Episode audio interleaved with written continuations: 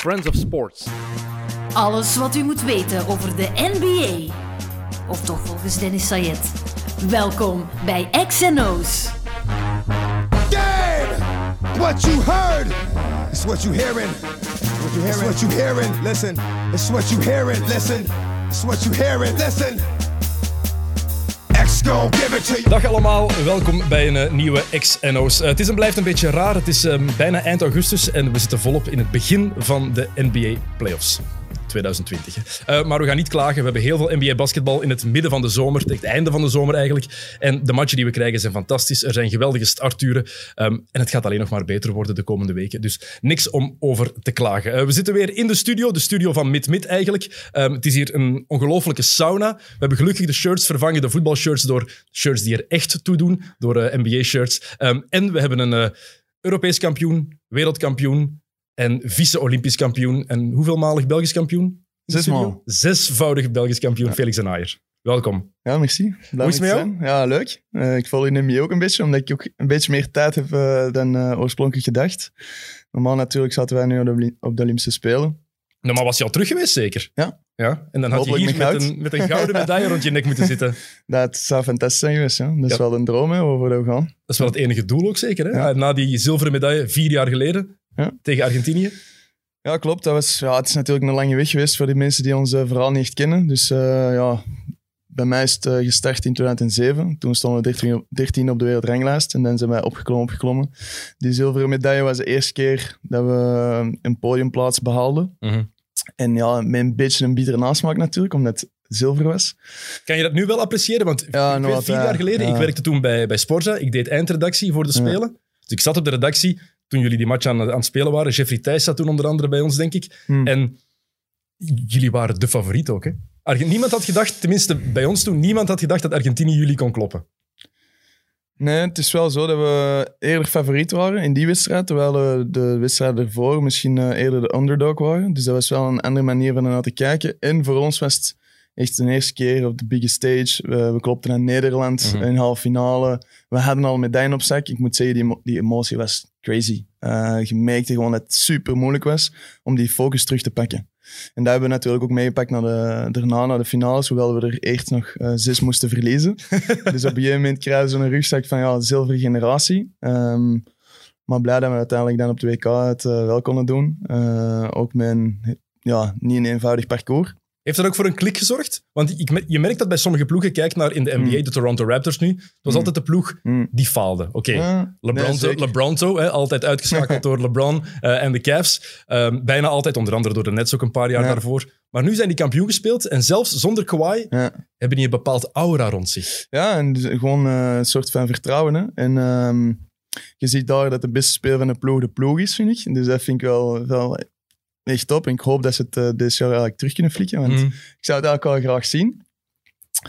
Ehm, maar dat is zeker iets ehm, dat een soort van bevrijding is geweest voor ons. En ik denk voor elke sportman. Eh, het feit dat je op een gegeven moment wel bevestigt tegenover jezelf dat je het wel kunt. En op een gegeven moment begint dat er ook in te kruipen. Hè? Dat je zegt, ja, pff, wat als we altijd net niet hebben gehad eh, voor de, heel, de rest van mijn carrière. En dat je moet terugblikken en je zegt, ja, het was net niet. En helpt het dan om, als je nu bijvoorbeeld in zo'n finale staat en pak jullie komen 2-0 achter, Ja. helpt het dan om te weten, hey, we've been there, we zijn er geweest, we weten wat het is om te winnen, Ja. Ehm, geen stress. Ja, het is trust the process, hè, zeggen wij. Dus ehm, Veel mensen zeggen dat tegenwoordig. Anderlecht, Philadelphia. Oei.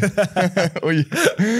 Nee, ja, maar het is, het is wel zo. eh, je, moment, ja, in moment van crisissituaties eh, denken veel mensen dat je dan ja, rise to the occasion of dat je de andere dingen moet beginnen doen en dan om eh uit de slop te halen. Ik geloof meer dat je dan ehm, ja, terugkomt naar je gewoontes en eh, dag op dag wat dat je eigenlijk doet. En, ehm, ehm, en je moet geloven in je eigen Hmm. kunnen en in het plan. En ja, we hebben laten zien in het verleden ook dat als je dat doet en als je best cool blijft, dat je dat dan wel eh, gewoon je eigen het beste kans geeft. Want anders valt het meestal als een kaarthuisje. En ja, dan is het klaar. Kan je die zilveren medaille nu wel echt naar waarde schatten? Ja, elke dag. Ja, echt? Ja.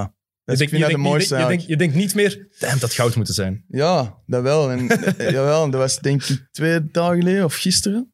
eh, dag op dag. De, en ja, dan zie je die beelden van de Argentijnen. En, Maar ja, een Olympische medaille, als ik met hen ehm, terug naar ja, 2007 eh, ga, dan wist ik bij wijze van spreken dat niet dat hockey een, een Olympische me- sport was. ja, dus van waar wij komen en waar we nu staan, allee, dat was ongelooflijk. En ik zeg het, het is gewoon een deel geweest van eh, de evolutie dat wij als team hebben moeten meemaken. Maakt het nu dan minder uit voor jullie dat het een jaar uitgesteld wordt, omdat jullie ja, al weten wat het is. Jullie weten wat het is, de Olympische Spelen als event. Als je dat bijvoorbeeld vergelijkt met de Belgian, met de Belgian Cats, Mm, die voor het eerst als ploeg naar daar kunnen gaan. Ja. Ik denk dat dat, dat jaar uitstel voor hen Ja. een ramp is overdreven gezegd. Ja, voor hen Maar het is wel moeilijk maken. Ja. voor aan Wouters sowieso Ja, wel. Natuurlijk de leeftijd Ja, eh, helpt daar niet bij. Maar als ploeg ook, jullie weten het tenminste. Jullie kunnen een jaartje wachten en zeggen, ja we maar nee. spelen, we kennen Het dat. is, het is maar om de vier jaar. Hè. En eh, je leeft er vier jaar naartoe. En dat is echt het moment voor, voor, ja, voor ons zeker. En voor veel atleten is dat ja, het summum van de sportwereld. En eh, de sfeer dat daar rond hangt is, is crazy. Dus ehm, ja, het is wel echt enorm jammer. En daarbij zaten wij in best een goede flow. Dus eh, we hebben de WK gewonnen, EK gewonnen. We hebben onszelf eh, een tijd gegund tegenover andere teams die zich nog moesten kwalificeren om een gat te slaan. Eh, gingen we naar, ehm, in januari naar Australië, die nummer twee van de wereld waren. Ehm, ja, de House of Pain noemen zij hun veld. en we hebben daar één wedstrijd gewoon op shootouts en één wedstrijd gewoon eh, weggeveegd. Dus ja, we zaten wel echt in een goede flow. Dus dat is wel jammer. Dus nu hebben we nog een jaar extra om nog beter te worden. Je bent dan naar drie spelen geweest. Hè? Eh, Peking, Londen en. Rio. Ja. Wat was de leukste qua sfeer? Ik heb het niet over het spel, want dan natuurlijk Ja. kies je voor Rio. Maar Rio. wat was de leukste? Ik vond Londen. Ja, waarom? Maar ik vond, ik vond eh, Beijing was indrukwekkend. Omdat ja, China die wou echt uitpakken en, en de cultuurs... Allee, de mensen liepen van... Je had 24-7 had iemand die de open deze liepen in rijen. Dat was, dat was crazy. Maar qua sportbeleving vond ik eh, Londen ongelooflijk. En waarom? Omdat je merkt dat Engelsmannen echt sportliefhebbers zijn. Meer En, nog dan in eh, Brazilië, want je kan niet ja. zeggen dat Brazilianen niet van sport houden. Hè? Mm, dat weet ik niet. Maar wat ook zo leuk was in Londen, is dat alles best dicht bijeen was. In dat park. Dus eh, vanaf dat er iets gebeurde op het atletiekveld, dan begon het atletiek te horen. Dan is in een basket, dan hier, dan Mhm. daar. En je had dan één groot scherm in het midden van alles. En wij zaten daar ook tussen.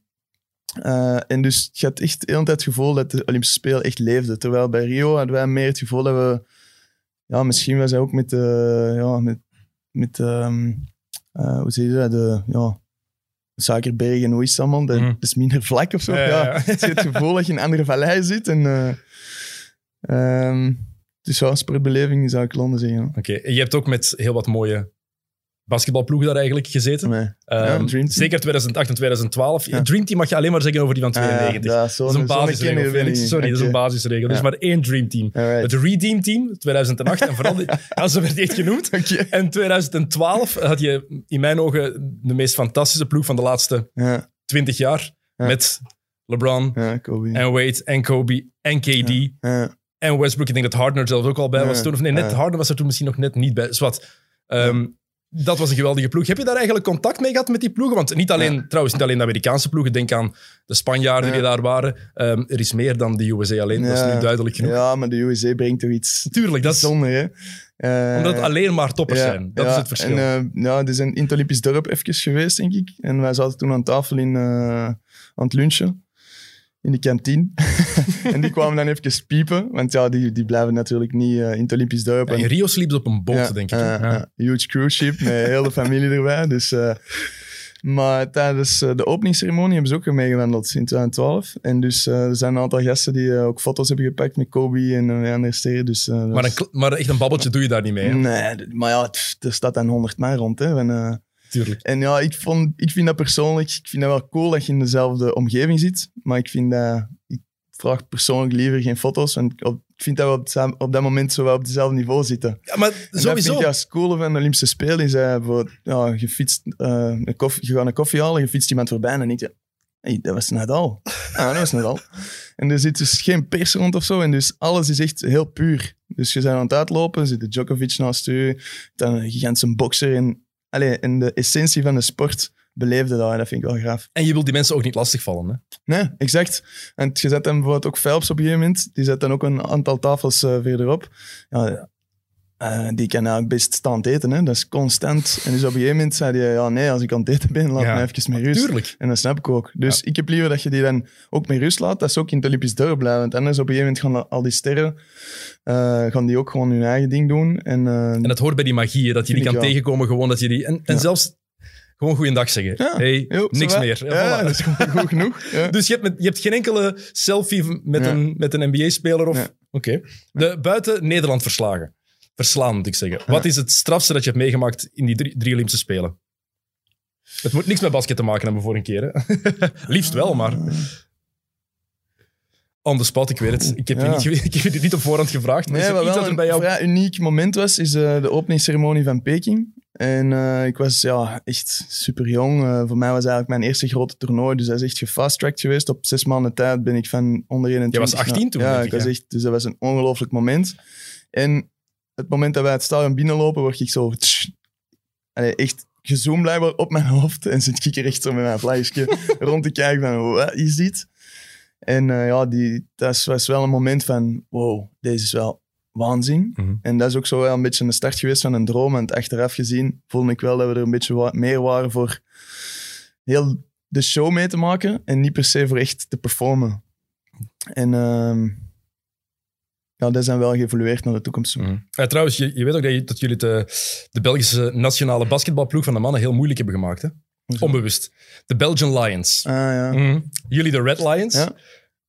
Ik denk echt dat 80% van de mensen dat verschil niet weet. Nee, nee. Er zijn zelfs heel veel sportankers die tijdens de spelen nog de fout maken. Of zelfs Red Devils over ons zeggen. ja, daarom. Ja, eigenlijk zou eh, misschien bijvoorbeeld in Nederland is gewoon duidelijk, hè, oranje. Voilà. In België zou dat eigenlijk ook moeten, maar ja, wij, wij werden dan de Red Devils genoemd. En op een gegeven moment, dat weet ik nog, dat was in 2008, begin voor de Spelen. En ehm zeiden ze van, ja, we moeten een eigen identiteit creëren. En ja, anders worden wij Rode Duivels genoemd. En, eh, dus ja, zijn we ze hebben zo'n soort van workshop gedaan van, ja, oké, wat gaan we pakken? Een arend, een leeuw, een giraffe, eh, oké, welke kleuren? En uiteindelijk eh, was, kwam er rode leeuw uit. Ja. Ja. En eh, is zo ontstaan. De Rode Leeuw. Ik moet altijd denken aan de restaurant in Braschaat. Ja? Het is ook een Braschaat. Ja, ja, daar spelen, op de hoek. Ja. Ah ja, ik heb nog in Braschaat gewoond. Ja, alright. Back in the day. Back in the day. Old times. ja. Ehm, je bent trouwens terug aan het trainen? Ja. Nu? Ja, Is dat raar? Om echt terug full contact trainen? Want we hebben dan... Oh, de Veiligheidsraad is bij elkaar gekomen. De bubbels van vijf worden behouden. Maar je mag wel gewoon weer Ja. vol een bak spelen. En je mag ook weer ehm matchen tegen elkaar spelen. En in hockey en voetbal kan ik dat ergens toch een beetje Mm. begrijpen. Open lucht. Je zit niet constant in elkaars gezicht te hijgen. Mm. Maar er mag nu ook terug full contact gebasket worden. Ja. Je staat echt letterlijk op een Ja. centimeter van elkaar in elkaars gezicht te hijgen in een zaal. Ja, dat is lastig. Ik begrijp er niks van. Echt. Ik moet, moet zeggen, als atleet is het wel een bevrijding. Tuurlijk. Coronatrainingen, zo noemen wij die. Zonder contact, vrij statisch, eh, alleen technisch. Hetzelfde dat je zou mogen basket, maar alleen zou mogen shooten op dat is- Eigenlijk opwarmen. Mhm. Ja. Ja, op een gegeven moment zijn we er wel klaar mee. In het begin denk je van, ja, het is op zich wel goed voor de basistechnieken nog te verfijnen. Maar op een gegeven moment, ja, wij wilden is gewoon duel spelen. En je bent competitief, daarom spelen uiteindelijk. Ja, Ik ben ook blij dat er terug gebasket mag worden. Ja. Ik snap het gewoon niet. Het, het makes dat sense voor moeilijk voor ons, is dat de regels constant waren aan het veranderen. Dus eerst was het bubbel met 4, 5, dan met 10, dan uh, uiteindelijk 15. wel contact, dan terug lockdown, dan lokale lockdown. Dan, allee, en dus, ja, ik hou me er niet meer te veel mee bezig. Ik, eh, Het is uiteindelijk niet mijn functie, dus ik hou het, eh, de managers en, ehm, en de coachingstaf mag zich ermee bezighouden. En, Dat is eh, heel Ik slim. wil gewoon lekker hockeyen. Dat is heel slim. Wat heb jij met basketbal, Felix de Naaier? Ja, ik. ehm, we hebben het er ooit eens over gehad. En vroeger keek ik wel veel And One mixtapes op YouTube. En ik had echt ik had een ring aan thuis en wij speelden best veel basket. Eh, op school was het vaak voetbal of basket. En ik zat met Jean-Marc Mooijma op school. Eh, en eh, hij was samen met Thomas Ginet. Ik weet niet of je die Ja, kent. voilà. ja. Dus zij speelden vaak met twee, zoals streetball, tegen dan ja, tien andere gasten. En ik vond dat de max. En dus eigenlijk, daar is hij wel zo aan ontstaan. Ehm, en dan probeerde ik het wel een beetje te volgen. Ik heb oh, heel lang geleden een artikel gehad van... eh titel was ook Helden behelden of zoiets. En dat was dan Kobe Bryant voor mij. En ehm, ja, nu heb ik ook Eleven Rings gelezen. En nu probeer ik toch ehm, te blijven volgen. Waarom dat ik het wel cool vind, is eh, omdat ik... Ja, de sport vind ik super gaaf. En ook de manier waarom, waarop dat eh, heel het businessmodel, zeg maar, hoe dat ze de sport naar buiten brengen, waar de- waarvoor de atle- atleten staan, dat die mee, ja, more than just a ball in the rim. Mhm. Al die zaken vind ik wel dat ze echt super goed doen. Het is ook straf, hè? Het is ook straf als je bijvoorbeeld kijkt. De UEFA is altijd heel duidelijk eh, Mm. say no to racism. Hè? Dezelfde spot die ze al duizend jaar spelen, die Ja. compleet afgezaagd is, Ja. waar ze blijkbaar niet willen of durven vernieuwen. Ik weet niet wat het Ja. is. Als je, kijkt naar, als je nu naar een, een wedstrijd kijkt op League Pass van de NBA. Super vet. om, de, om het kwart is daar een, een duidelijke spot. Ja, Waarin ze gewoon- op het veld, Black Lives Matter Ook, en groot. ze durven een, een, een stelling Ja. innemen. En er zijn genoeg Trump-supporters die het, Ja. hen niet, ja, het niet zo graag zullen zien, het hen kwalijk zullen nemen en niet meer naar de NBA zullen kijken. Maar ik, vind, ik heb daar best bewondering voor dat een competitie dat aandurft. Ja, super vet. En ook ja, zoals Nike, ik vind dat die dat ook ongelooflijk goed doen. Eh, die Can't Stop Sports, Can't Stop Us. En Mhm. eh, ja, je ziet dan dat gewoon spelers ook worden empowered om eh, statements te maken en om gewoon ook voet bij stuk te houden. Het is Ja, altijd wel ook geweest natuurlijk. Als je teruggaat, tenminste buiten de jaren 90, de tijd van Michael Jordan, Mm. ehm, is dat minder geweest. Maar daarvoor, kijk naar Bill Russell, Kareem Abdul-Jabbar. Mm. zijn mannen die Mm. samen met Mohammed Ali, die aan de zijde van Ja. Mohammed Ali zaten, toen die zijn persconferentie gaf dat hij niet naar Vietnam wilde gaan. Ja, ja, En dat is, dat, is, dat is heel veelzeggend, vind ik. Dat, dat die competitie, dat je echt 50 jaar, 60 jaar terug in de tijd, tijd kan gaan en kan zien, oké, die hebben altijd al die, die voortrekkersrol gehad. Ja. Ja En dat is maakt- waar. het is indrukwekkend. Het is niet gemakkelijk. Ik denk eh, misschien omdat zij daar in die cultuur zo ook zijn grootgebracht, dat ze dat ook op zich nemen. En het, ehm, in Europa zie je het gewoon veel minder. Ehm, Ik denk, denk dat Romelu Lukaku een van de weinige Ja. gewoon Europese atleten is, los van Mhm. België, een van de weinige Europese atleten is die zo'n uitgesproken stem heeft op dat vlak. Ja. Denk ja, ik. ik. vind dat knap en blijven doen, zou ik zeggen. Ik vind het jammer dat een competitie, als de Jupiler Pro League bijvoorbeeld dan, om er gewoon eentje in België uit te pikken, dat die dat niet aandurven. Hm. Ik weet dat dat heel eh, hoogdraverig klinkt om zo'n ding te zeggen, maar ik heb daar heel veel bewondering voor dat een competitie als de NBA dat durft. Want je kan daar effectief financieel echt wel klappen door krijgen, denk ik. Ja, it's bigger than, eh, ja, it's bigger than sports, bigger than, ehm, eh, dan geld ook, vind ik. Mhm. Het is gewoon, wat is de impact die je wilt nalaten? Wat is je legacy? Waar wil je je sport rondbouwen? Ik denk dat, dat die waarden en normen zijn veel belangrijker dan Zeker in de competitie. randzaken. Zeker in de competitie waarin je hebt gewoon- 85% Gewoon een voorbeeldfunctie. Ik vind sport is zo'n ehm, een goede tool om lessen uit het leven te, te halen ook. Zowel voor kids als voor volwassenen. Dus doe er ook iets mee. Ehm, en One Mixtapes. Yes. Ehm, Uren. ik denk altijd aan die professor daar, Ja, automatisch. ook. ik Ja, weet niet waarom, dat is ja. de eerste die in mijn, in mijn hoofd komt. En Ja, Ray ouder nog, ja. Ray for Alston, hè? Ja, ik- Ehm, wat is zijn bijnaam? Skip to my Lou. ja, Die heeft daarna ook de finals gespeeld, zelfs met Orlando. Ja? ja, ja. ja. Ja, ik vind het zo graag. Ook gewoon... Ja, je, je kunt echt gewoon echt uiten op een manier. En, ja, enkel breakers, puddingkeis on ice. ehm, Ik zie nu ook die, die covers voor me. Het is heel lang geleden dat ik daar... aan- Ik, had- ik had vroeger ook N1's natuurlijk. ja. Eh, maar bij mij hangt het samen met skate mixtapes. Ik weet niet Ja, waarom. ik heb ook inderdaad ook veel skates gezien. Ja, en dan, ik had zelfs cassettes dat ik dan opzette en dan ging skaten en dan aan hopen. En het is zelfs zover dat ik op een gegeven moment waar wij op BUC-stage. Mhm. Eh, dat was vorig jaar, eh, samen met eh, Team Belgium. En daar was ook een gigantische sportzaal met, met een ring. En op een gegeven moment kreeg ik zelfs last van een triceps van te shooten. Ja, omdat ik het gewoon zo leuk vond. En op een gegeven moment begon hij spelletjes te spelen, popcorn en dus elkaar uitshooten. En ja, ik vind, vind ja, het is gewoon een mooi spelletje. Een hockeyer die popcorn kent, dan Ja. heb je effectief gebasket. Ja. Dat, is, dat is heel Ja. duidelijk dan. Dus deed, deed je dat alleen op school? Of deed je dat dan ook gewoon met, met Ja, maten naar school, buiten? In, in een ja. club heb je nooit gespeeld, hè? Nee, ik heb wel getwijfeld, maar ja, het probleem, ja, het probleem ik deel zoveel. Ik, alles met een bal eigenlijk vond ik de max. En dus eh schoolcompetitie heb ik wel meegedaan. Eh, maar ja, dat was eigenlijk vrij, vrij beperkt. Maar ook handbal, ook voetbal, ook tennis, eh, hockey, golf, whatever. En ik, heb, ik had een vriend die wel baskette, dus ik heb wel echt getwijfeld op een moment om te beginnen basketten. Bij Maar Bras- ja. bij Bras- ik ben begonnen bij Braschaat. Ja, dus Maar- de keba. Heb ik, dan heb ik net Ja. 15 jaar Ja. gespeeld. Ah, voilà. Dus bij mijn keba op een gegeven moment dacht ik... Is echt? ja. Oké. Ja, ik weet, Jean-Marc is bijvoorbeeld begonnen bij Braschaat. Ja. Die speelde toen... Vroeger, toen ik begon, was het waar het, waar het zwembad van Braschaat is. in Is dat nu nog? Ja, ik weet het niet. Dat is Cobras geworden, denk ik. Dus samen met Schoten, denk ik. Hmm. Ik moet eerlijk zeggen, ik ben niet 100% zeker of BBC Braschaat eh, of dat er nog bestaat. Ehm, kan je basketbal op een of andere manier vergelijken met hockey? In jouw ogen? Wat ik wel cool vind vaak is eh, concepten halen uit bepaalde andere sporten. Ehm, bijvoorbeeld two-way players, dan het verschil tussen zonal defense, man-to-man defense, wanneer doe de transities en al die zaken vind ik wel cool om eruit te halen. En eh, om mee door te trekken naar, eh, naar je eigen sport. Mhm. En heb jij bepaalde dingen waarvan jij denkt van, oké, hier kan het ook iets leren van basket en andersom?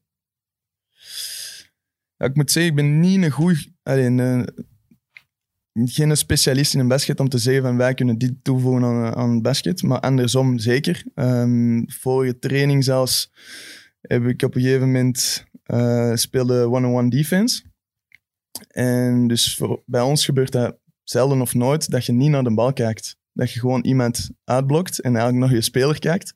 En als je heel veel ruimte moet dekken, is het heel moeilijk om ehm, zowel ja, links als rechts te dekken. Want op een gegeven moment maakt hij een lead, is hem weg. Mhm.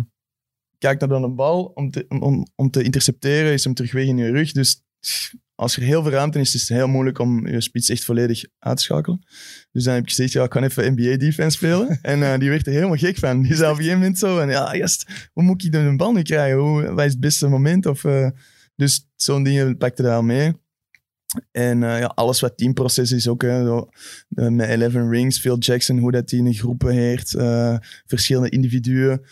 Eh, wat ik ook heel, interessant vind, is eh, verschillende matchups. Dat je mismatches, op Mhm. zoek gaat naar mismatches. Ik vind dat wij dat nog niet genoeg doen. Ook moeilijker in het hockey natuurlijk, hè? Ja, ja. Omdat je, je hebt... Het is één, veel groter ja veld. Je je hebt, bent met meer. Mhm. eh, dus het is moeilijker om op te zoeken. Maar... En internationaal misschien ook nog eens moeilijker, omdat iedereen daar beter is. Maar misschien op clubniveau, de, vaak internationals die de core zijn van een team, maar misschien jonge, jonge potentials die daar rondhangen. Ja, zet maar eens eh, die toppers gewoon vast en laat die anderen maar het spel maken. Heb je dat Ineens- bijvoorbeeld? Heb je dat in het, bij Nederland? Is daar een, een grotere, tragere verdediger? Waar Ja, iemand als. Thomas Brils bijvoorbeeld inderdaad Absoluut. tegen zou kunnen uitspelen? Absoluut. Perfect. Absoluut. Iedereen is verschillend en dat is ook vaak een kracht van een team. Mhm. Is, eh, ik kan iets wat jij niet kunt en samen maken we elkaar beter. Dat is ook mooi, vind je, van een teamsport. En dus ja, het ideaal is om de zwaktes van, allee, van tegenstanders proberen te, ja, uit te buiten. Mhm. Ehm, je zei N1 Mixtape, zo ben je beginnen volgen eh, op school met Jean-Marc. Wanneer ben je de NBA echt beginnen volgen? Want Ja, de- N1 en NBA, Mm, dat is nog altijd ja. een totaal andere wereld. Hè? Ja, nee, dat klopt. Ehm, ik denk eh gebroeders Wallace bij Detroit. Dat is zo Geen broers, geen broers trouwens. Ah, nee, nee, nee. Iedereen, Ah, heel veel mensen. echt, ja. Want zelfs Bill Simmons zegt dat heel vaak in zijn podcast, The Brothers Wallace, maar het zijn geen broers. Misschien omdat brothers... Allee, ze zeiden waarschijnlijk brothers, Ja, ja, omdat ja. ze ja, teammaten waren. Absoluut. Zo'n broers.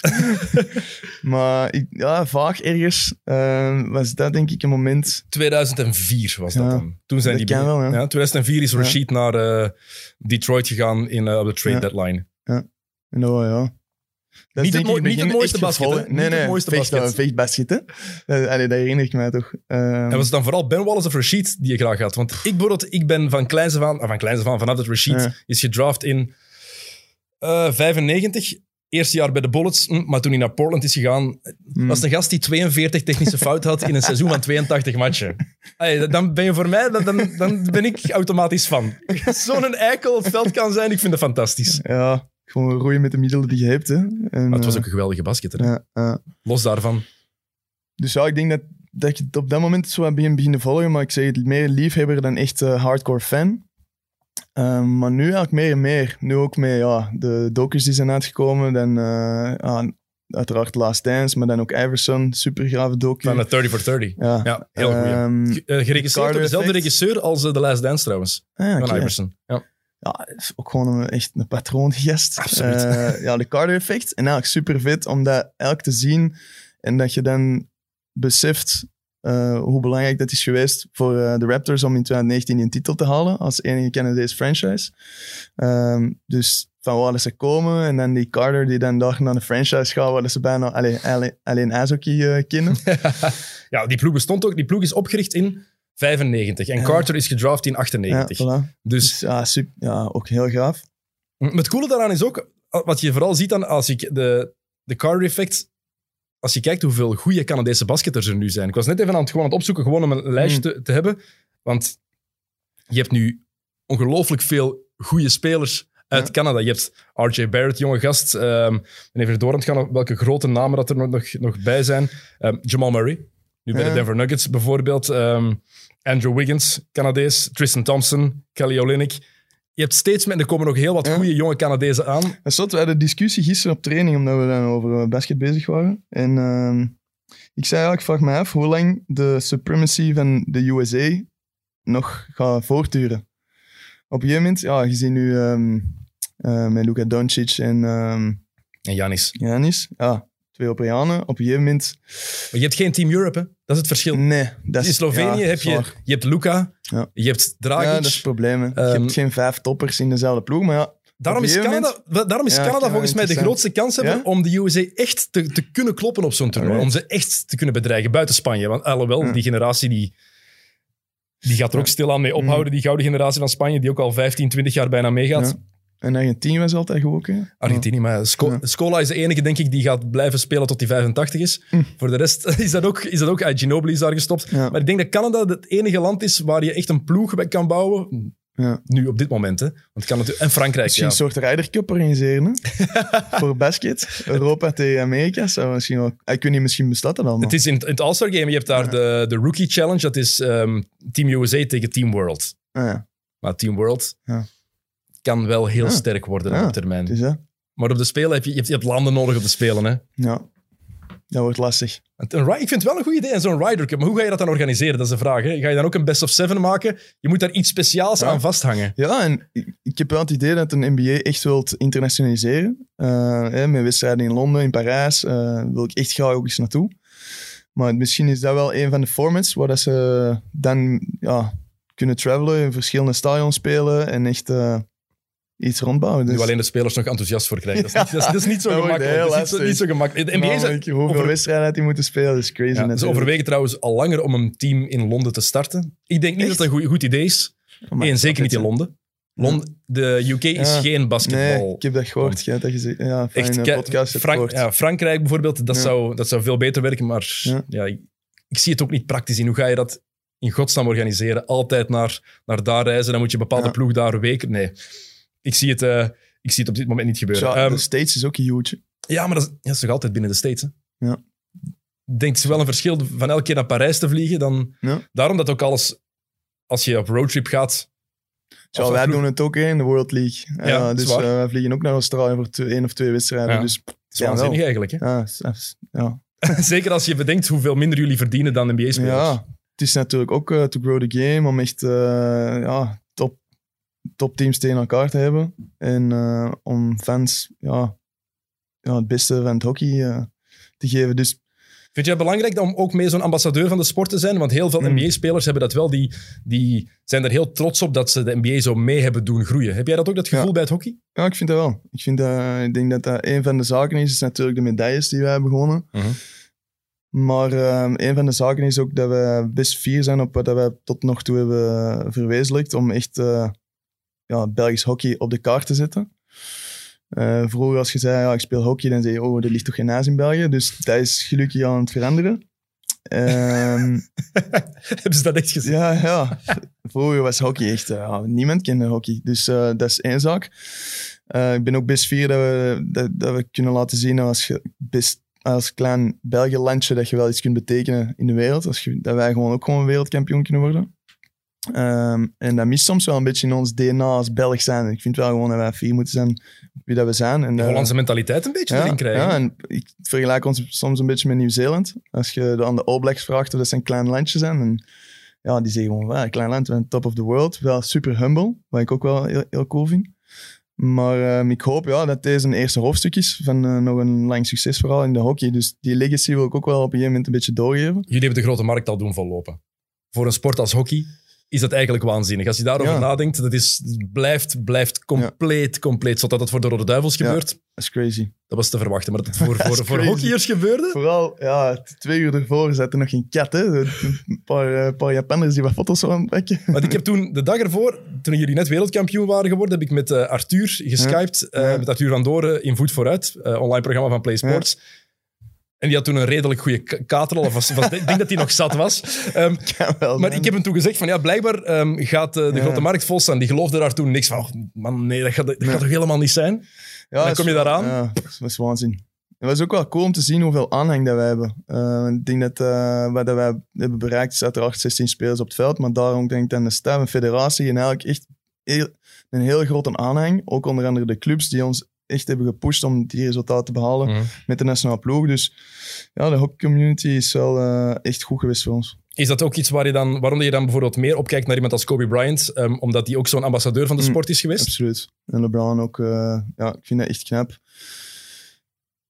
Ehm, Dat zijn meer dan basketters. Ook Ja. zeker LeBron. Bij Kobe was dat in zijn latere jaren zeker het geval. In het begin van zijn Mm. carrière was het helemaal anders. Was de Michael, Ja, wist Michael ik Jordan trouwens niet, filosofie dat dat hebben, een beetje Een, een, ja, echt zo'n alpha male was. En eigenlijk dat hij echt een heel transitie heeft gemaakt. Ik wist dat dus niet. Tijdens zijn dus carrière, behalve zijn eh, laatste jaar- 11 rings heb ik dat dus. Mhm. Maar Je mag niks slecht zeggen over, over, over de doden. Ook zo niet Mm. bedoeld. We moeten gewoon eerlijk in zijn. In de Mm. eerste 19 jaar van zijn carrière was Kobe geliefd door de Lakers-fans. Ja. En door mensen. En dat was het. Mm. Fans van andere Ja, ploegen konden zijn greatness appreciëren. Je kan niet anders dan ontkennen dat Kobe een van de, van de beste spelers aller tijden is. Dat is Mm. gewoon dat is een fenomenale basketter. Maar hij is pas het laatste jaar dat hij echt zo een, een charme-offensief is begonnen. En dat iedereen begon te zien ah, ah je bent ook echt een goede gast. je bent echt een goede gast Ja. ook. Maar hij, vond, hij, wou, hij wilde ook altijd die, die villain zijn. Hè. Hij wilde ook gehaat worden door de andere ploegen. Dus het is niet dat ik iets slechts zeg of zo. Hij wilde dat zelf. Net zoals Michael Jordan. Wie de Last Dance gezien heeft, ja, hij had scheef naar mij gekeken in het restaurant. dus wilde ik hem pakken. Ja, dus wij gaan motiveren. Hè. Eh, het is wel knap dat hij dat kunnen. En misschien om de brug te maken nu naar, die, naar de bubbel waar dat ze nu in spelen, zonder fans, zonder al die dingen. Hoe motiveer je eigenlijk? Ik denk wel dat dat in het voordeel speelt van underdog teams. Waarom? Want ik denk dat zo de, de topteams met die al heel veel ervaring hebben in die momenten waar het er echt veel druk op staat, dat maakt echt wel een verschil. Ik zag bijvoorbeeld een stat ook dat eh, home advantage, dat teams 75% van de wedstrijden winnen. Het zou dit jaar bijvoorbeeld voor de Lakers zou het een uitzonderlijk jaar geweest zijn. Eén, eindelijk terug playoffs voor het eerst sinds 2013 Hm. dat ze terug in de playoffs stonden. En vooral met de number one seed, dat is geleden van 2010. En stel je voor dat ze tegen de Clippers uit zouden komen in de conference finals. LA is a Lakers town. Ja, ja. Nobody gives a fuck about the Clippers. Echt, Ja, de dat Clippers, tuurlijk. De Clippers zouden eigenlijk al lang terug naar, eh, gewoon naar Seattle moeten verhuisd zijn. De eigenaar Steve Vind ik ook Ballmer. wel raar, inderdaad. Ja, de eigenaar Steve Ballmer komt van Seattle. Ah. Dus het zou heel mooi zijn de Supersonics daar terugkrijgen. Maar gewoon in LA bijna niemand geeft om... Geeft. Je kan dat niet vergelijken. In Antwerpen heb je Beerschot Antwerpen. Dat is redelijk 50-50, denk ik. Ja. Denk ik toch? Daar is het echt 90-10. Ah. Nee, Dus als, eh, als de Clippers thuis zouden spelen, het zou een thuismatch geweest zijn voor de Lakers. Ja, voilà. Dat is, dat is bijvoorbeeld ja, een groot verschil, denk ik. Maar ik snap niet dat iemand als LeBron, want hij is de enige Hmm. Die nu ook weer na de nederlaag tegen Portland opnieuw begint te klagen over dat de fans er niet zijn. Ja, dat is ambetant, Ja, maar het is nu zo. Ja, je weet het, aanvaard het. Je bent, ja, klopt. je bent de op één na beste speler aller tijden. Ik, kan, ik vind dat heel moeilijk om te aanvaarden dat hij daar blijft over mekkeren. Nee, dat is waar. Daar ben ik ook mee eens. Maar ik, ik, ik kan me wel inbeelden dat het eh, een heel andere manier van opladen is. En Zeker. zeker, Ik heb ook al oefenwedstrijden gehad waar je tegen Argentinië speelt in Brussel eh, in de winter. Je bent naar Brussel aan het rijden, begint te regenen. Je denkt, oh, pff, geen zin. En dan zie je ineens een paar duizend man zitten en dan, ja, all right, let's go. Mhm. Let's get going. En dan doe je één goede actie, het publiek wordt wat en op. En wat het dan als excuus voor LeBron dan, ehm, hij heeft toch nooit voor een lege zaal gespeeld, hè? Letterlijk, Ja, nog nooit. Ja. Ik denk niet dat, dat het geleden is van toen hij tien jaar moet zijn of zo, dat dat nog gebeurd is. Maar ja, dus dat is misschien een andere manier van hoe motiveer je dan. Hè? Misschien eh, ja, moet eh, Lillard eh, moet je het, het persoonlijk oppakken. Hè? Maar hoe, motive- hoe motiveer je? Je kan een titel winnen. Ja. Als jij nu, stel je voor de Spelen volgend jaar, en het is zonder publiek. Ja, ik heb daar ook al over nagedacht. Zou, Wat- zou jij moeite hebben om jezelf te motiveren? Nee, natuurlijk niet. Oh, voilà. Nee, nee natuurlijk niet. Je kan een medaille winnen. Ja. Dus dat is toch meer dan genoeg motivatie? Of zie ik, dat- ben ik nu, ga ik nu zo kort door de bocht? Ja, nee, nee, nee, absoluut. Maar misschien zit het iets dieper. Hè? Want eh, ze zitten ook een beetje in, eh, in een hoek waar de klappen vallen. Het loopt niet echt lekker. eh, misschien, ik weet het niet. Heb je al veel gezien eigenlijk van, van de... Van, Ik probeer wel wat te zien. Ja. De, de eerste wedstrijd vond ik wel cool. De opening game van de bubbel dat was dan LA, de LA Battle. Mhm. Ehm, vond ik wel cool. En nu probeer ik het echt wel op te volgen. Ja, Eh, ook met ja, Portland, met, die dan net wel erin zitten. En die zitten nu gewoon in ja, goede flow. Eh, ja, Lillard het gewoon echt lekker aan het spelen. Logo Lillard. Z- Zijn er nog mensen die durven twijfelen aan Damian Lillard? Vraag Ja. ik me echt af. Want Ja, het is een van, die, van de meest onderschatte spelers in de league. Gewoon ook al omdat hij altijd bij Portland heeft is gezeten. Small market, kleine ploeg. Ja. Maar hoe kan je nog twijfelen aan zo'n gast? ah, dat vind ik cool. En ik hoop dat hij met, eh, allee, daar trouw aan blijft. Langs de andere kant, ik denk dat heel veel mensen al vergeten zijn hoe geweldig Stephen Curry is. Ehm, Kenny, waarom zeg je dat? Kenny Smith heeft in TNT gezegd van, hey Stef, ehm, zo'n shots van zover, dat, dat kan jij niet. Dude. Ja, tuurlijk. Dude. Ja, Ja, wat ik altijd heel indrukwekkend vind bij Stef is die zijn release. Hoe snel dat hij een bal uit zijn handen is, Mhm. vind ik altijd crazy. Hij heeft zijn shot helemaal moeten omvormen. Ik was een heel klein ventje vroeger. En dus shotte hij altijd van, van Ja, heel laag. Je ziet ja, dat als- nog, hè? Als hij zo beelden met zijn, dat Ja. hij zijn vader ging kijken hè, en dan daarna naar de Ja, ring is. voilà. Dus, maar dan heeft hij zijn shot helemaal moeten omvormen. En het is dan goed gelukt. ja, gelukkig. gelukkig. Ik misschien duidelijk. een aantal anderen eh, uitleggen hoe dat hij heeft gedaan. Eh, heb je gekeken naar de Lakers tegen de Blazers? Ja. Naar die match. Eerste wedstrijd helemaal gekeken. Wat viel jou, er, wat viel jou op? Buiten dat ehm, KCP, Kentavious Caldwell-Pope eh, misschien eens een driepunt moet binnenknallen en dat Danny Ja. Green ook echt... Ja, en wel, dat was ik ook aan het luisteren. En, eh, Blijkbaar hebben ze maar 16% buiten de drie geshoot. Ehm wat ik miste een beetje op einde is echt die, eh, ja, een beetje echt die, eh, die vijandigheid. En ze stonden vijf punten achter met nog een paar minuten, allee, met nog allee, wel wat seconden op de klok. En als je iets kind van basket weet dat het nooit gedaan is, tot het echt gedaan is. Ja. Eh, buiten natuurlijk als ik geloof echt te groot is, maar dat vind ik wel raar, dat je in de playoffs zit. Dat is waar dat je heel het jaar op wacht, dat het eindelijk for real is. Want ja, ja tijdens het seizoen is het altijd iets van, ja, oké, we zijn bouwen aan, aan het bouwen, aan het, aan het proces. Is en dingen. Ja, nu is het, ja, het is gewoon business. En dat is juist leuk aan de playoffs. Dat, dat miste ik wel een beetje. Dus ik vraag me echt af of dat ze... Of dat ze inderdaad gewoon die volgende stap gaan zetten. Gaan ze dingen veranderen echt? Of gaan ze gewoon zeggen van ja, het was one of those nights. Eh, de, de bal viel gewoon niet. Ja, maar het ding is, als je kijkt naar de cijfers bij Portland, ook daar viel de bal niet geweldig eigenlijk. Mm. Lillard had 9 op 21, Mello 4 op 14. Ik denk Nurkic had ook maar, maar, maar 25% van zijn shots die binnenvielen of zo. Ja. Ehm, voor de Lakers-fans, ik denk dat die gewoon moeten hopen dat JaVale McGee uit de starting five wordt gehaald.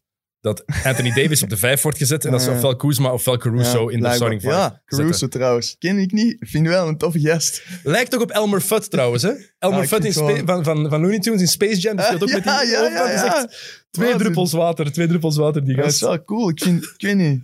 Die gaat er ook gewoon voor. Mhm. Die eh, probeert niks te bewijzen aan iemand anders of probeert niks te zijn dat hem niet is. Maar ja, ik vind hem wel ik vind het leuk om hem te zien spelen. Super nuttige speler, maar. Gewoon McGee. Het, Ja. het is duidelijk, als er één ploeg is waar je met je, je big guys, want de Lakers hebben een hele grote ploeg, Ja, Waar dat het niet tegen lukt. ik zo, pff, ik weet het niet. maar tegen Portland gaat het duidelijk. Als Hassan Whiteside een nuttige Ja, rol kan die- spelen, Ja, speelde goed. speelde heel goed. En als je die gezien hebt tegen Memphis, was onspeelbaar. Was echt, oh, was slechter dan Mario Hezonja. Ja. En dat zegt ook al iets. Was slechter dan heel veel spelers in de NBA, in, in de NBA op dit moment. Eh, Hassan. Whiteside tegen Memphis. En nu speelt hij een, een keigoede match. En is hij cruciaal tegen de Lakers.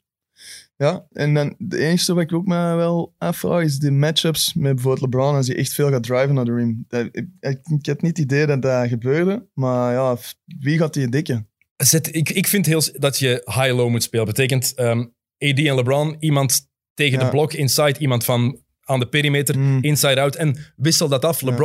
Heeft in Miami geleerd om met zijn rug naar de basket te spelen. Heeft in 2012 de titel gewonnen omdat hij net sterk was geworden in die post-up. Mm. Speel daar meer mee. Ja. Probeer zo meer dingen. En met Anthony Davis hetzelfde. En ja, Anthony Davis, misschien moet je zijn driepunter binnenknallen. Ja. Zou helpen om eens er eens eentje binnen te gooien. Ja.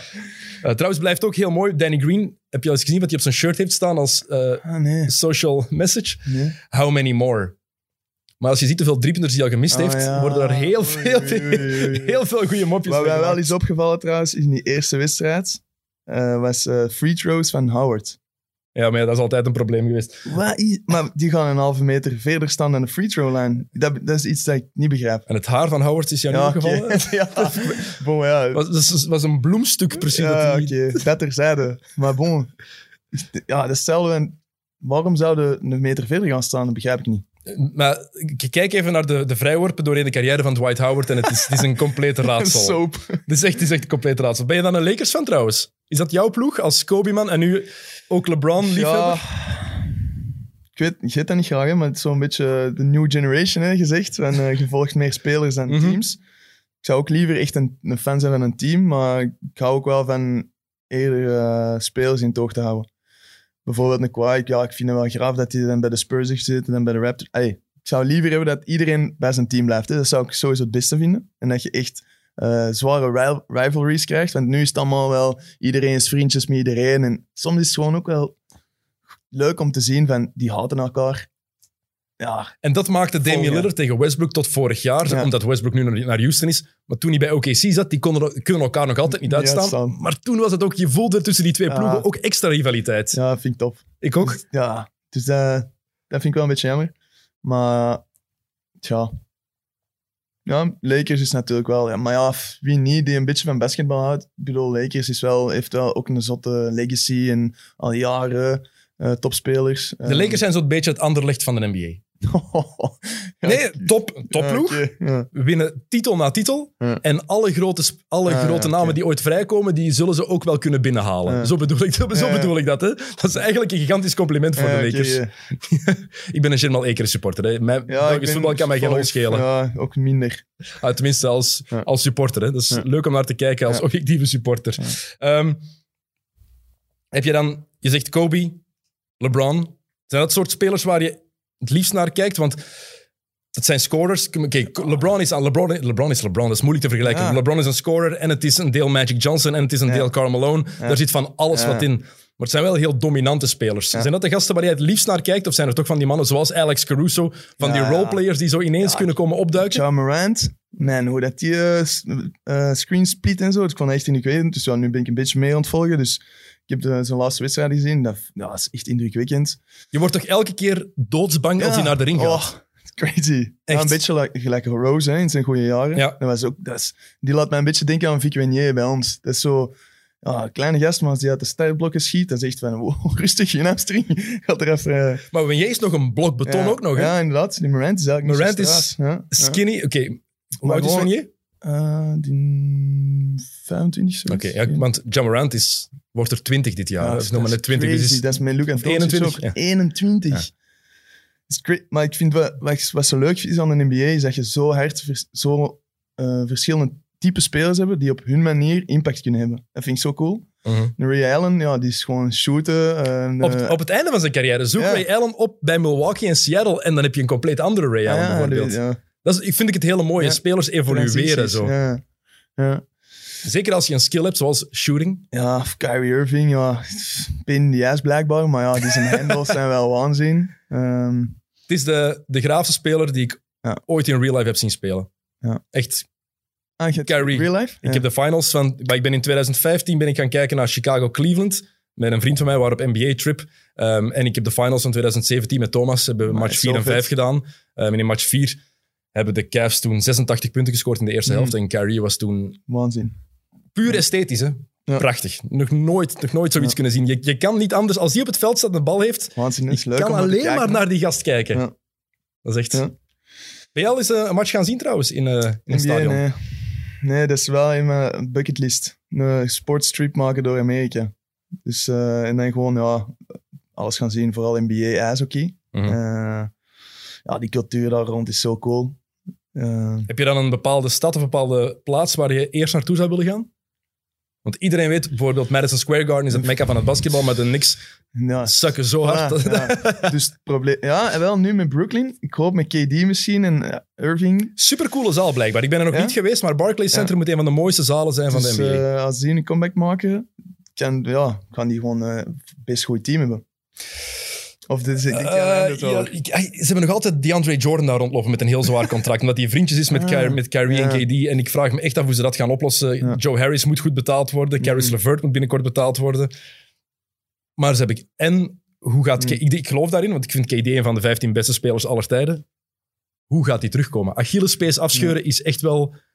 Bryant heeft ook een. Hij is nooit meer dezelfde Ja. geweest. Oké, hij was ouder. Ja. En KD is 2 meter 14, Ja. 7 foot. Ja. Andere speler. Maar Achillespees afscheuren, er is bijna nog niemand deftig van teruggekomen. In bijna elke sport, denk ik. Hè? Ja, het is, ja, het is sowieso lastig. Hè? En zeker als je een, er zijn jaren uit. Hè? Nu, nu een volledig jaar. Meer, want het was in juni vorig jaar. zo hard. Je kunt zoveel doen als je wilt. Als je niet specifiek bij ons is dat ook, hè, als je een maand of twee je echt dagdagelijks onderhoudt, hè, dus krachttraining doe, fysiek onderhoud, je gaat dan terug op het veld staan, ja, de dag daarna is heel je lichaam wrecked. Mhm. Dus eh, ja, dus ik ben wel benieuwd, maar het zou wel cool kunnen zijn, denk ik. Het zou, het zou heel cool... KD is gewoon... Die speelde toen tegen Kyrie. En, is- Ja, en ook zien of dat hij het alleen kende. Want iedereen onderschat dat omdat hij officieel staat hij ingeschreven als 6 foot 9. Hm. Kevin Durant is exact even groot als Thomas van de Spiegel. hè. Maar Nee. echt tot op de centimeter. Exact even groot. En als je kijkt wat die gast kan... Thomas is een van de, misschien wel de beste Belgische basketter aller tijden. De meest Ja. succesvolle Belgische basketter aller tijden, dat zeker. Maar in zijn dromen dat hij kon, dat KD kan. hè. Maar dat gaat hij zelf ook toegeven. Ja, dat is onwaarschijnlijk. Een gast van 2,14 meter die zo'n handles heeft, die Ja. zo'n shooting heeft, die al die dingen kan. Dat is, dat is, dat is gewoon belachelijk. Ehm, is er iets sportief waardoor jij de geboorte van je kind zou missen? Misschien een heel rare vraag. Waarom Wow. vraag ik het? Omdat heel veel NBA-spelers die plannen dat netjes in, Ja, ja, dat het in de zomer Ja, gebeurt. En er zijn er nu heel wat. Dat is een beetje hetzelfde bij mij. Hè. Ja, normaal, ja, we hebben nu onze dochtertje die in 2019 is geboren. En eh, op een gegeven moment zou wel graag de familie nog vergroten. Mhm. Maar je probeert wel enigszins ergens te plannen dat dat niet midden van de Olympische Spelen valt. Want ja, dat is wel lastig. Zou, zou jij Eh. iets... Zou jij, stel je voor, ze is toch zwanger en is uitgerekend tijdens de finale van de Spelen. Ja, dan speel ik. Ja? Ja. Toch? Ja, het, is- het zou echt super lastig zijn. Maar ja, je traint hoe maak je die keuze le- ook, hè? Ja, je- ja. Natuurlijk, misschien wel een verschil. Olympische Spelen is één keer om de vier jaar. Dat is once in a lifetime nog eens die kans om een gouden medaille te winnen. ja, het lastige Het is dat NBA-seizoen is elk jaar. hè. In Tokio ooit, aan de kant van de wereld. Ook al. Hè. We hebben Vince van Nash gehad, die oefenwedstrijd... Nee, niet een oefenwedstrijd. eh, Champions Trophy in Breda, in Nederland. En we waren aan het opwarmen en hij zei ineens, ja, gast, ik moet door. We wisten allemaal hoe laat het was. Maar ja, dan is hij minder een probleem. Elliot van Strijdonk, eh, in de nacht voordat we de dag daarna tegen Frankrijk moesten spelen om ons te plaatsen voor Rio, papa geworden. Dus het gebeurt wel. En die is niet... Die eh, heeft- ja, die is in de nacht vertrokken, teruggekomen. Dag daarna gespeeld, maar lastige dag gehad. ja, maar, maar- maar ik zeg het ook, Mike Conley bijvoorbeeld, die is Ja. net nu in quarantaine omdat hij de geboorte van zijn kind niet wilde missen. Wat te begrijpen is natuurlijk Gordon Hayward. Gelukkig voor hem, tussen aanhalingstekens, is hij nu vier weken oud met een enkel blessure. Maar Ja. zijn vrouw staat ook op het punt om te bevallen. Laten we hopen dat we het goed kunnen plannen, dat ik eh, beide niet moet missen. Ik, ik hoop het, ik hoop het ook, eh, ook echt voor jou. Eh, welke serie heb je eigenlijk nog gezien? Of waar heb je al iets deftigs van gezien in de, in de playoffs nu? Ehm, Want je hebt, wat, je hebt Toronto-Brooklyn. ik was ehm, ehm, Mavericks tegen Clippers aan het zien. Ja. Dat vind ik ook wel echt een, een coole matchup. Zeker nu dat 1-1 is geworden. Het had eigenlijk 2-0 voor de, voor de Mavericks kunnen zijn. Ja, Als Porzingis niet uitgesloten wordt. Ah ja, dat- juist, juist, juist. Dat is schandalig. Ik heb, dat, ik heb die highlights gezien, niet live.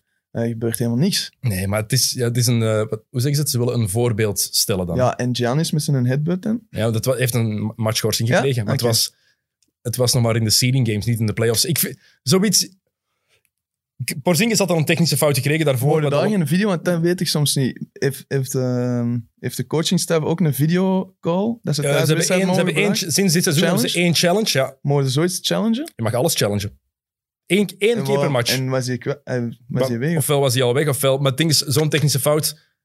De kans Ja. dat ze dat terug gaan schroeven is Ja, en quasi dan- onbestaande. Ja, Dus daarom... subjectief. daarom Als die bal is in of uit, dat is zo van... Die die swing or not. Of, Ja, en, en hij komt ertussen. Oké, hij Ja. wil zijn ploegmaat verdedigen, maar hij komt tussen in een opstootje. En de NBA is daar zo streng licht. geworden. Sinds Ron Artest het publiek is ingevlogen, zijn ze daar zo, zo scherp Ja, in. ik vind het heel licht. Ik vind, ah, af en toe mag, gelijk dat ik zei, hè, zolang dat het competitief is, vind ik wel dat er een beetje veiligheid mag zijn. Ik vind dat, ik, ik vind dat ook, maar ze, ze durven daar niet meer aan. Denk je dat de Mavericks de Clippers kunnen kloppen? Ze moeten nu ja, nog drie keer winnen, allebei. Want als je kijkt naar match 2, Paul George niet komen opdagen. 14 punten, 3 op 14 of 3 op 16. Was echt niet goed. Defensief was hij ook nergens. Oké, defensief was het sowieso moeilijk, want Luca heeft zelfs Kawhi Leonard. Dat is goed, man. Luca is Ja, fantastisch. Ik hè? denk de eerste twee minuten maakt hij 16 punten of zoiets. En dan mag hij al even gaan rusten. Ja, bro, ga maar even zitten al. Misschien heb je op het einde nog nodig, is belangrijk hoor. Hij heeft 70 punten in zijn eerste twee playoff matchen Ja, ooit. zot. Enkel. Nee, Nee, niemand, meer, meer, ik hoor het ook niemand meer. heeft ooit beter gedaan. Zelfs Kareem niet. Ehm, helpt het voor zo iemand, die gast is nu 20 jaar, Ehm, helpt het dat hij al van zijn zestiende eigenlijk de allergrootste matchen speelt? Want je kan het vergelijken, ja, die mannen hebben ook in college gespeeld. Luca heeft tegen volwassen mannen gespeeld Mm. in de Euroleague. Tegen, op het op één na hoogste niveau ooit. Ja, misschien, misschien is het daarom dat hij ook zo'n soort van stijl heeft van basketten. Ik vind dat hij eigenlijk best heel rustig beweegt en niet probeert fysisch het verschil te maken. Misschien is dat een van de redenen wel. Wat James Harden eigenlijk ook een beetje doet. Ja, Op dat ja, vlak ja, zijn ze ook. vergelijkbaar. Ja, ja. Op dat vlak tenminste. timing is zo goed. Gewoon kijken naar de verkeerde voet. Of eh, ja, echt, ja, ik weet niet. Kijk echt naar details, lezen, spel supergoed. Wat ik ook wel cool vind aan Luca, ik weet niet, Harden misschien minder, is die maakt ook zijn team veel beter. Met Harden meer het idee dat het een one-man show is. Het is, het, het is, ik vind het ook anders. Ik vind ook, ik heb pas een discussie met iemand over gehad op, op Twitter. Ehm, Luca ziet dingen die heel weinig spelers zien. Ja. Dat is wat LeBron ook in zich heeft. LeBron ziet ook dingen die heel weinig spelers in zich hebben. En dat is, langs de andere kant, Luca kan niet wat James Harden kan als het op scoren aankomt. Hm. James Harden is one-on-one. Kan die, LeBron kan ook niet wat James Harden kan als het op one-on-one aankomt. Het is gewoon niet te stoppen, die gast. Dat, is, dat is belachelijk gewoon om te zien. Ja, maar ik heb ook wel het gevoel- discussie tussen eh, veel punten maken of een titel winnen. Mm, Maar 70 punten in twee matches, nog altijd 35 per match. Ja, dat is waanzin, over maar ik Luka bedoel, gaat. maar Dat is ook niet, ook niet slecht natuurlijk. En eh, Harden is komen opdagen in game one. Als we kijken naar de playoffs van, van James Harden de laatste in zijn hele carrière, dan kunnen we daar heel wat twijfels over, over hebben. gezien, maar het is een wereldbasketter. Ook, eh. Ehm, welke, series hebben we nog? Toronto-Brooklyn, heb je daar interesse in? Want Brooklyn heeft het gisteren Ja, nog een beetje spannend ik heb gemaakt, een maar beetje gekeken, maar het is, eh, ik vind het verschil lijkt mij te groot om het spannend te maken. Joe Harris is nu ook naar huis, dus Brooklyn heeft nog een Ja, speler minder. Dus, eh, Ehm, Houston OKC, toffe verhaallijn. ja, toffe verhaallijn. Heb ik ook nog niet gezien, maar wel, eh ja, dat is wel een leuke match. als je kijkt, how Shea ja, Gilgis... Bucks, Bucks vond ik ook wel. Als je kijkt naar ik de serie- ja, Bucks. Als je kijkt naar OKC trouwens, hou Shea Gilgis Alexander in de gaten. Ehm, wordt de toekomst van OKC. Hebben ze meegekregen via de trade voor Paul George. En dat de Clippers hadden die eigenlijk nooit mogen opgeven. Wordt, wordt een absolute, absolute topper. Ehm, ja, de Bucks. Ja, dat vond ik raar. Dat was ik eh, aan het zien eh, voordat ik naar hier kwam eigenlijk. Het ding is bij de Bucks, tenminste mijn gevoel er altijd bij, Giannis is dit jaar meer dan terecht MVP. Heel veel mensen die lachen nu van, oh, daar heb je je MVP in de playoffs. Ja, het gaat over het reguliere seizoen. Ja. Wat er in de playoffs gebeurt, heeft er geen hol mee te maken. Mhm. Het staat er los van. Wat ik in de playoffs gewoon heb, zowel met Mike Budenholzer als met Giannis als met die ploeg, ik vertrouw die ploeg niet. Ik vertrouw de Bucks niet. Ja. In het algemeen. Ik heb altijd het gevoel van, Dat hangen niet per se samen. mm, je kan daar defensief een plan tegen uitwerken waardoor ze kunnen blokkeren. En ik zie daar, als ze tegen Toronto uitkomen bijvoorbeeld, dan zie ik de Ah, Raptors hoop nog wel iets doen. Toronto, ik, heb er wel ook een, eh, ja, zwak voor. Ja, waarom? Ik vind, ja, het feit dat ze dan de eerste Canadese franchise waren, dat ze zeiden, die Golden State hebben een beetje chance met, natuurlijk met de, met de blessures.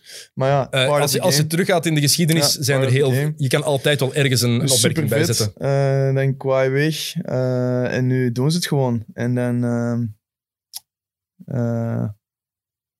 Laurie. Ik zeg altijd Shane Kyle Laurie, want het is, er is een golfer in een basket. Is dit- Kyle Laurie, hè? Kyle Lowry, ja. Ja, ook een baas van Fleet. eh en Siakam, die eh, echt helemaal is aan het... eh, ja, Het ontbolsteren, echt, ja. Ja, topper is aan het. Dus ja, ik heb er wel iets mee. Ik zeg het met, met eh Carter effect en... ja, ik heb er wel iets mee. Ehm, dat, het is ook mijn pick om de finals te halen in het oosten. Ik vind, ze hebben de beste coach. Ja, En ze hebben- ook. Ja. Zijn zo veelzijdig. Ze kunnen hun defense on- onmiddellijk aanpassen. En er is, er is genoeg talent offensief om een match te beslissen. En Fred Van Vliet, sinds die zijn zoontje geboren is vorig jaar, Legend, die- Ja, ja. sinds dat hij geboren is, is het niet gestopt. Hè. Hot streak. Ja. Het is waanzinnig. Oké, Felix, ik ga je zo laten, want ehm, ik zit er bijna aan een uur, denk ik. En ehm, Sam Kerkhoff vindt dat niet zo tof dat ik, ik, te lang, dat ik te lang doorga. Ik heb nog één vraag voor jou. Heb je de nieuwe shirts van Space Jam gezien? Van Space Jam Ja. 2? Hmm. Mm. Ik vond het niet top, terwijl ik echt een zware Space Jam fan ben. En gisteren trouwens ook over gehad. En er was een jonge gast in ons team die nooit Space Jam had gezien. Ik zei, wat? Cultuurshock. Maar ik, ja, Space Jam waanzinnig veel gezien. Jonge En, gast, eh, als in hoe oud? Oké, Ja, niet eh 25 of 26. Ja, ik snapte er niks van. dat is geen excuus dan. Nee. Dus eh, ik zei, maat, wij gaan, wij gaan Space Jam zien samen. hè." Ehm, En ben jij kapitein bij de ploeg? Ja. En kijk, ja, misschien eh, Verplichte, verplichte Verplicht filmavond. Ja, verplicht Space Jam kijken. Oké, eh, Felix, nog één. eh, ja, je moet een voorspelling doen gewoon. Wat wordt de finale in de NBA? Ja, ik hoop misschien wel Portland tegen Raptors. Hoewel ik, Oh, hoewel ik LA ook wel, ja, Lakers ook wel. Het gun. LeBron vind ik gewoon echt een, een baas. oké. Ehm, wat wordt de finale in de Olympische Spelen van Tokio 2021? België. Australië. België-Australië. En het wordt? Nee, niet, niet jinxen. Niet jinxen. Eh, we g- gewoon hopen dat België met de gouden medaille naar huis komt volgend jaar. En dat de Spelen doorgaan. Ja, Voor, vooral dat ook. dat vooral. En dat het allemaal lukt. Felix en Ayer, bedankt om tijd eh, te veel maken. Eh, bedankt voor het luisteren en kijken allemaal. Ehm, denk eraan, er is zoals elke week Mid-Mid op dinsdag met eh, de grote Evert Winkelmans en ook ene Sam Kerkhoffs. Voilà. Ehm XNO's, volgende week zijn we normaal gezien terug, dus tot de volgende keer. Salut.